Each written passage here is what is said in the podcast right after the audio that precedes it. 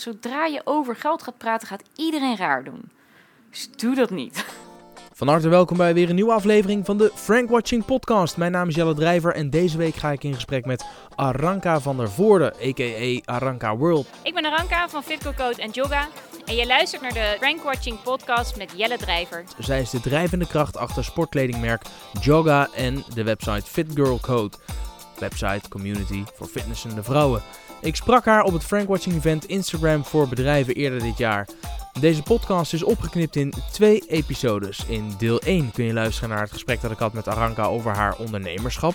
En in deel 2 kun je luisteren naar een deel van haar presentatie tijdens het Frank Watching Event Instagram voor bedrijven. Niet het hele verhaal natuurlijk, want dan had je gewoon moeten komen. Dus hou de events van Frank Watching in de gaten. Zorg dat je het niet mist als je alles mee wil maken. Je vindt beide delen, dus deel 1 en deel 2, op je favoriete podcast player. iTunes, Stitcher Radio, TuneIn, Soundcloud, etc. Mijn interview is ook als video te bekijken op mijn YouTube kanaal. youtube.com slash jdrijver en op jelledrijver.nl slash aranka. Daar vind je ook meteen linkjes naar alle andere platformen die ik zojuist genoemd heb. Wil je nou automatisch nieuwe afleveringen van mijn podcast kunnen luisteren als je onderweg bent, met de hond gaat lopen of als je niet kan slapen? Druk dan even op de abonneerknop en blijf lekker op de hoogte. Mijn naam is Jelle Drijver, je luistert naar de Frank Watching Podcast.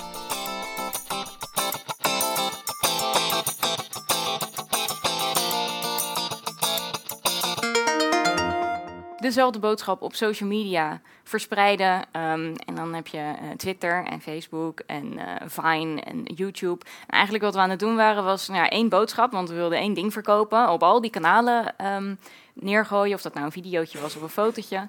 Um, maar dat werkte eigenlijk niet zo heel erg goed, merkte. Want het was heel erg vanuit nou het bedrijf zelf. En nou dat komt natuurlijk heel adverteerderig over. Toen hadden we bedacht van, nou, weet je wat, dan gaan we gewoon uh, wat meer content creëren wat het wat minder commercieel maakt. Dus hele lappen tekst, het verwerken in een heel mooi verhaal, blogs, zelf blogs opzetten. Kost natuurlijk onwijs veel tijd en dat is daardoor vrij duur. Dat is content marketing. En toen uh, um, kwamen de consumenten die zelf gingen praten en de bloggers over, over jouw product. En dat bleek dus gewoon echt een hele mooie manier te zijn om uh, hele unieke content te verspreiden op al die kanalen. Nou, en dat is influencer marketing. En uh, ik zal even uitleggen wie ik ben en waarom ik daar dan zoveel van af weet.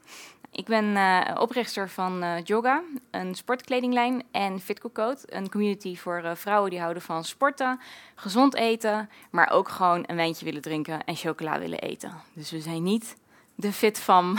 We zijn gewoon normale vrouwen. En die uh, houden van een uh, gezonde levensstijl waarbij je balans hebt en ook gewoon echt jezelf af en toe wat mag gunnen. Uh, voorheen heb ik, uh, ik heb niet een hele lange loopbaan. Ik ben op mijn 26e ben ik begonnen met mijn twee bedrijven. Uh, maar ik heb wel um, 2,5 jaar gewerkt bij een online community, Fashionista. En dat was echt een heel groot platform. Toen ik begon was er 70.000 um, unieke bezoekers. Toen ik wegging 3 miljoen. Dus ik heb echt wel geleerd daar hoe je zo'n community opzet. Ook wel in de tijd dat Instagram gewoon nog niet bestond. Um, uh, ik heb uh, nou, hele mooie publicaties gehad in, in met hele mooie media. En dat is eigenlijk allemaal dankzij um, de bedrijven die ik op heb gezet. En sinds kort ben ik ook een persoonlijke blog begonnen om te vertellen wat ik, wat ik allemaal leer in, um, ja, met het opzetten van deze twee bedrijven. En vooral nu ik in de start-up fase zit. Want ik lees heel veel over mensen die allemaal succesvol zijn. En dat is heel leuk. Maar het is eigenlijk veel leuker om te leren hoe die mensen dan succesvol worden. En tien jaar terug praten is makkelijk, maar ik praat graag over wat er nu gebeurt en uh, wat mijn bedrijven nu aan het doen zijn. Wat weet ik dan van influencer marketing? Um, zoals ik al zei, twee bedrijven, Fit Girl Code en Yoga. Ik heb niet bedacht om twee bedrijven in één keer te starten. Ik zeg altijd van, uh, nou, ik ben Aranka en ik heb um, twee bedrijven opgericht, waarvan één per ongeluk. Girl Code is begonnen op Instagram. En uh, um, dat kwam uit een marketingmeeting die ik met mijn investeerders uh, van uh, Joga, van het kledingmerk, had gehad. Dat ze zeiden van, ja, weet je, we moeten, moeten een, een blog beginnen. We moeten een, een, een, kanaal beginnen waar gewoon heel veel sportende vrouwen zich gaan verzamelen. En dan kunnen we die vragen stellen. Ja, dat gingen we, daar gingen we dan een plan voor schrijven. En een week later had ik weer een meeting. En toen zei ik van, nou, ik heb 10.000 volgers op uh, mijn, uh, ja, mijn, mijn social kanaal, op mijn uh, Instagram kanaal. En dat was Fit Girl Code. Dat had ik gewoon gemaakt. En ik dacht, ik ga eens kijken hoe dat werkt. En dat ging eigenlijk best wel lekker. We posten gewoon eigenlijk helemaal niks commercieels. Alleen maar leuke quotes, lekker eten, receptjes, workouts. Eigenlijk wat de doelgroep gewoon uh, wilde zien. We hadden namelijk helemaal geen commercieel oogpunt, want het bedrijf stond eigenlijk, bestond eigenlijk nog niet. Uh, en uh, nou dat is inmiddels ruim twee jaar geleden. En op dit moment hebben we 103.000 volgers zelfs. Dus nou, deze presentatie is alweer outdated van gisteren. En is de hashtag al meer dan 230.000 keer gebruikt. En die strategie van Fit Girl Code, waarbij ik ben begonnen, heel veel meiden zich aansluiten, wilden aansluiten bij me, wilden meebloggen, um, ook wilden Instagrammen. Nou, die influencer-strategie, hoe je dat noemt, dus gewoon meiden die zelf uh, ook heel erg betrokken zijn bij het merk, die hebben we doorgevoerd uh, naar Jogga, naar de, de kledinglijn. En uh, die hebben we gelanceerd eigenlijk op een gespreid bedje met allemaal fitte meiden die heel erg hielden van, van sporten, van gezond eten. En eigenlijk de rode draad was naar het hebben van een, nou ja, een sportset. En met die strategie zijn we, zijn we Jogga gaan opzetten. En zoals je kan zien, 61.000 volgers. Volgens mij zitten we nu op 63.000 volgers. Dus dat groeit heel erg hard. En um, de influencer-strategie heeft daar echt 100% mee te maken. Dat uh, is uh, daardoor gewoon onwijs hard gegroeid. Hoe hebben we dat gedaan? Um, nou ja, wij zijn in 2014 zijn we gestart met de lancering. Dat ging echt onwijs goed, omdat we natuurlijk Fit Girl Code als springplank hadden. Maar op een gegeven moment dan, dan weet die doelgroep dat je bestaat en dan wil je groeien, dan wil je groter worden. Nou, in 2015 hebben we besloten om een deel van onze collectie in te kopen als marketingbudget. Dus we hebben gezegd van ja, we kopen dit gedeelte in, maar dit gedeelte, dat gaan we weggeven. Dit worden onze, uh, het wordt ons marketingbudgetje. Want geld hadden we niet, maar kleding hadden we wel. En wat we hebben gedaan, we hebben een lijstje van 300 influencers gemaakt. En die 300 influencers, die hebben we een setje uit laten kiezen in het begin was dat heel spannend. Gelukkig kenden we door Fit Girl Code veel Nederlandse bloggers. In het buitenland kenden we al wat bloggers. En dat, dat ging eigenlijk best wel snel. Dat waren vooral uh, meiden die op Instagram een, een, groot account hadden. Maar of ze een YouTube-account of ook een blog hadden, dat was mooi meegenomen. Maar wij richtten ons toen echt op, uh, op Instagram, omdat we daar gewoon zagen dat onze doelgroep daar heel erg actief was. En we wilden gewoon focussen op, uh, op één kanaal om daar echt nou ja, zeg maar, te groeien. En dat, nou, dat werkte best wel goed. We hebben toen uh, meer dan uh, eh, 5 miljoen uh, vrouwen bereikt. Um, en wat het leuk was, is dat die meiden die, die waren zo enthousiast en die vonden het zo leuk dat ze um, per influencer hebben we meer dan 5 posts gekregen. Dus als je dat nou ja, uitrekent, 300 man 5, we hebben echt heel veel user-generated content toen gekregen van onze influencers. En dat konden we zelf allemaal reposten. Um, en het allerleukste is nog dat onze eigen klanten die hebben zelf ongeveer 30% zelf ook hele leuke foto's gepost, zoals je hier ziet. En dat ging echt heel ver. Dat was van, nou weet je, ik heb de doos ontvangen. Uh, het kaartje, kijk, een heel leuk kaartje. En er staat in dat no unicorns were harmed while making this product. Dat vonden, vonden ze hartstikke vet. Nou, en dan ook nog de broek, hoe die op bed ligt, hoe die op de grond ligt, en hoe je hem aan hebt in de sportschool. Er is zelfs iemand die zijn nagellak heeft uh, nou ja, zeg maar, uh, art heeft gemaakt voorbij haar broek. Dus dat ging heel erg ver en dat was super leuk om dat te zien. Maar dat kwam omdat ze zoveel uh, foto's zagen van meiden die yoga droegen en die um, zich als yoga girl uiten. Dat is toch, ja, ik wil ook een yoga girl worden. Hoe word ik dat? En dat is heel makkelijk. Dan moet je gewoon een setje kopen en dan moet je de post op Instagram. Het was echt een, echt een leuk idee en mensen deden het gewoon.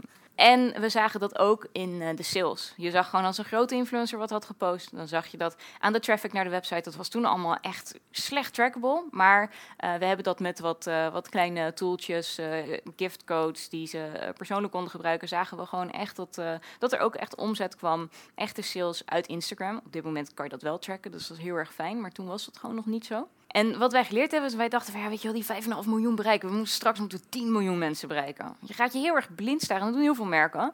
Van ja, ik wil liever een influencer, een, een blogger die uh, eh, 100.000 volgers heeft dan 10.000 volgers.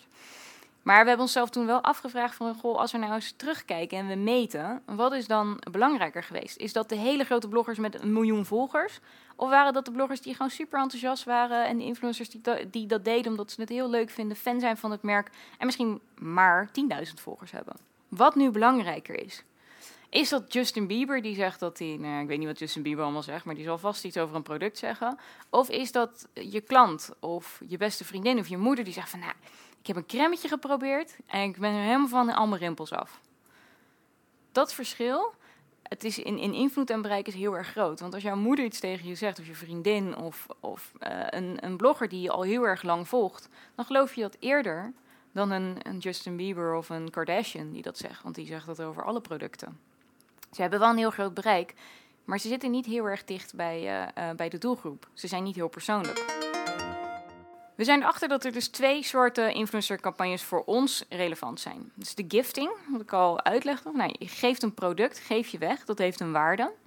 Um, en daarmee creëer je een soort van hype. Je ziet dat ook wel bij fast-moving consumer goods. Die geven vaak in de stad geven ze zakjes chips weg en blikjes en ja, in ieder geval uh, gewoon snelle um, hapjes waar je van denkt van oh, dat is eigenlijk wel chill. En later ben je in de Albert Heijn en dan koop je dat. Dus eigenlijk gebeurt het al heel erg lang. Um, mijn product is, het is geen goedkoop product, maar ik ben er wel achter dat het wel, um, het is de investering waard om dit te doen. Dus je moet dat wel gewoon meten. Ik snap het als je een heel erg duur product hebt, dat je het op een andere manier kan oplossen. Maar een giftingcampagne, dus iets weggeven, en dat kan ook een dienst zijn en dat kan ook een, een kaartje voor uh, ik, een concert zijn. Dat kan van alles zijn, maar het weggeven van, van iets, waardoor je um, gewoon echt ook mag vragen van, goh, kun jij dan vier keer posten voor mij? Want wat er bij ons gebeurde, is dat toen wij dit, uh, die giftingcampagne startten, toen kregen wij soms wel 50 e-mails per dag van meisjes die zeiden: oh, Ik heb ook 10.000 volgers, mag ik een yoga setje ontvangen? Toen dachten we van, uh, dan kunnen we er wel wat eisen aan gaan stellen. Um, en we maakten het ook gewoon heel concreet. Van, nou, je krijgt dit, maar we verwachten dit terug. We maakten er gewoon een win-win situatie van. Uh, het is heel erg goed voor de groei van je, van je Instagram-account, maar ook van de, de zichtbaarheid van je merk natuurlijk. Wij merkten dat omdat uh, zij ontsteekten, kregen wij gewoon heel veel volgers erbij. En die volgers kunnen wij dan daarna weer in klanten um, omturnen. Het was niet de bedoeling dat zij het product gingen verkopen. Wat er wel weer gebeurde, is dat er een soort van extern customer service kanaal gecreëerd werd. Van mij die zei van, oh, welke maat heb je? En hoe zit die BH? En kan je die bandjes verstellen? En die meiden die reageerden daar echt gewoon fanatiek op waardoor wij gewoon veel minder vragen kregen op de customer service. Dus dat is ook weer uh, een, een win-situatie. En het is heel goed uh, voor een soort uh, ja, marktonderzoekje. Je komt er echt wel achter wat ze van je product vinden. De reacties zijn gewoon echt van ontelbare waarde. Want ze zeggen tegen jou zeggen ze echt veel minder dan dat ze tegen um, de bloggers en de influencers zeggen. Nou, en vanuit die gifting uh, zijn we dus gaan kijken van welke meiden zijn we nou echt super tevreden over en daar willen we nauwer mee samenwerken. En dat is meer een ambassadorship. En dat kunnen ook heel veel uh, verschillende merken en bedrijven kunnen, kunnen dat in uh, hun bedrijf toepassen. Het is gewoon een intensievere relatie waarbij je ook zegt van ja, weet je wel, wij, gaan, wij vinden elkaar heel erg leuk en wij gaan elkaar gaan we helpen. Want het gaat echt om een win-win situatie. Um, en daardoor krijg je dus ook dat ze antwoorden gaan geven op de vragen. Uh, ze uh, creëren regelmatig content die je dan ook elke keer weer terugziet. Um, en je kan bij niet alleen maar uh, je um, je doelgroep kan je een uh, marktonderzoek doen. Maar wat nog voor ons nog veel belangrijker werd, was dat wij zagen dat uh, de keuzes die de meiden maakten uit de kleding, dat was gewoon onze bestseller. Dus wat we nu doen, is voordat we de collectie gaan lanceren, heb ik gewoon een, uh, een WhatsApp-groep met allemaal meiden. En zeg ik, oké, dit zijn de nieuwe kleuren, welke zouden jullie willen hebben? En dan weet ik al gewoon, oké, daar moet ik meer op, op inkopen. Want zij zijn gewoon de trendsetters. Want als zij het willen dragen, willen hun volgers het kopen. En betekent dat voor ons dat we juiste keuzes maken in, um, in de inkoop. Leder is een hele goede app. Die gebruiken we echt dagelijks. Leder is ook een app waarbij je kan inplannen. Dus dan kun je gewoon je hele week inplannen als je op vakantie gaat. Ook best wel, kan je ook weer eens op vakantie. Of je kan het uitbesteden. En ik kan begrijpen dat het voor heel veel uh, bedrijven die gewoon uh, daar nou, geen handjes voor hebben, dat dat uh, um, toch een betere optie is. Want het kost echt serieus veel tijd. Wij hebben er met uh, twee fulltime uh, stagiaires, nou ik een soort van fulltime plus, hebben we um, al die influencers moeten zoeken. We hebben dat zelf gedaan, omdat wij vinden dat we echt gewoon in nauw contact willen zijn met, uh, met onze influencers en dat het gewoon bij ons past als bedrijf. Maar er zijn gewoon agencies, IM Agency, Tab Influencers, Amerikaanse partij, de Circles, Nederlands, maar ook best wel buitenlands. En die nemen dat werk voor je uit handen. Maar dat kost natuurlijk wel geld. Maar ik ben echt van mening dat elk bedrijf kan een influencercampagne starten. Nou heb ik makkelijk, want ik heb een product, dus nou, dan kun je een seedingcampagne starten. Um, maar ik ga ook niet voor de rest uh, van mijn leven broeken weggeven. Dat is echt niet de bedoeling. Dit was voor de, voor de start was het heel erg goed. Uiteindelijk wil ik echt die mensen aan ons binden. Uh, we hebben zelfs een meisje uit Hawaii die een fotoshoot voor ons gaat doen. Nou als je bedenkt wat het kost om naar Hawaii te vliegen, een model te zoeken, een professionele fotograaf. En dat meisje die wil dat gewoon voor ons doen.